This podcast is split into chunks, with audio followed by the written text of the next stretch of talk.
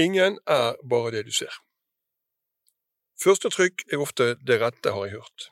Noen ganger, og kanskje oftere enn man tror, tar man grundig feil.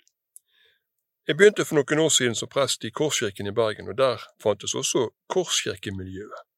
Dette var en beskrivelse som ble gitt på mange av de som var slitne, og de som hadde sitt oppholdssted i området rundt kirken.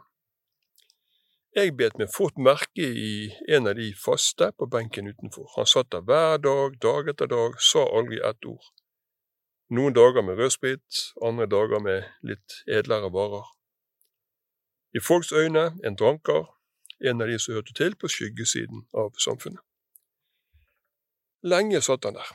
Jeg hilste på, men han svarte aldri. Så etter et år så fant han veien inn i kirken. Han fant seg en plass på bakerste benk og kom der fast hver dag på våre jevnlige messer, fortsatt uten å si et ord. Når to år var gått, så kom han fram til meg etter en messe og så sa han, hei, prest, jeg må innrømme at jeg ble litt overrasket, mannen kunne jo snakke.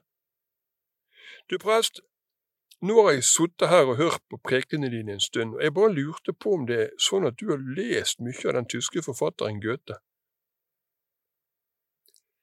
Jeg ble om mulig enda mer overrasket og måtte innrømme overfor han at det hadde jeg nok ikke. Det burde du, sa han. Jeg unnskyldte meg med at jeg ikke hadde bøkene. Du kan få låne mine, sa han. For borte på hospitset der har jeg det meste av det han har skrevet. Jeg håper det gode tysk, for jeg liker helst å lese Goethe på originalspråket. Så viser det seg altså at denne karen hadde en bakgrunn og en utdannelse, og ikke minst et kunnskapsnivå som langt oversteg min fantasi og mitt førsteinntrykk. Ingen er bare det du ser. Den setningen, den blir sannere for hvert år som går, og for hvert menneske jeg er så heldig å få bli bedre kjent med.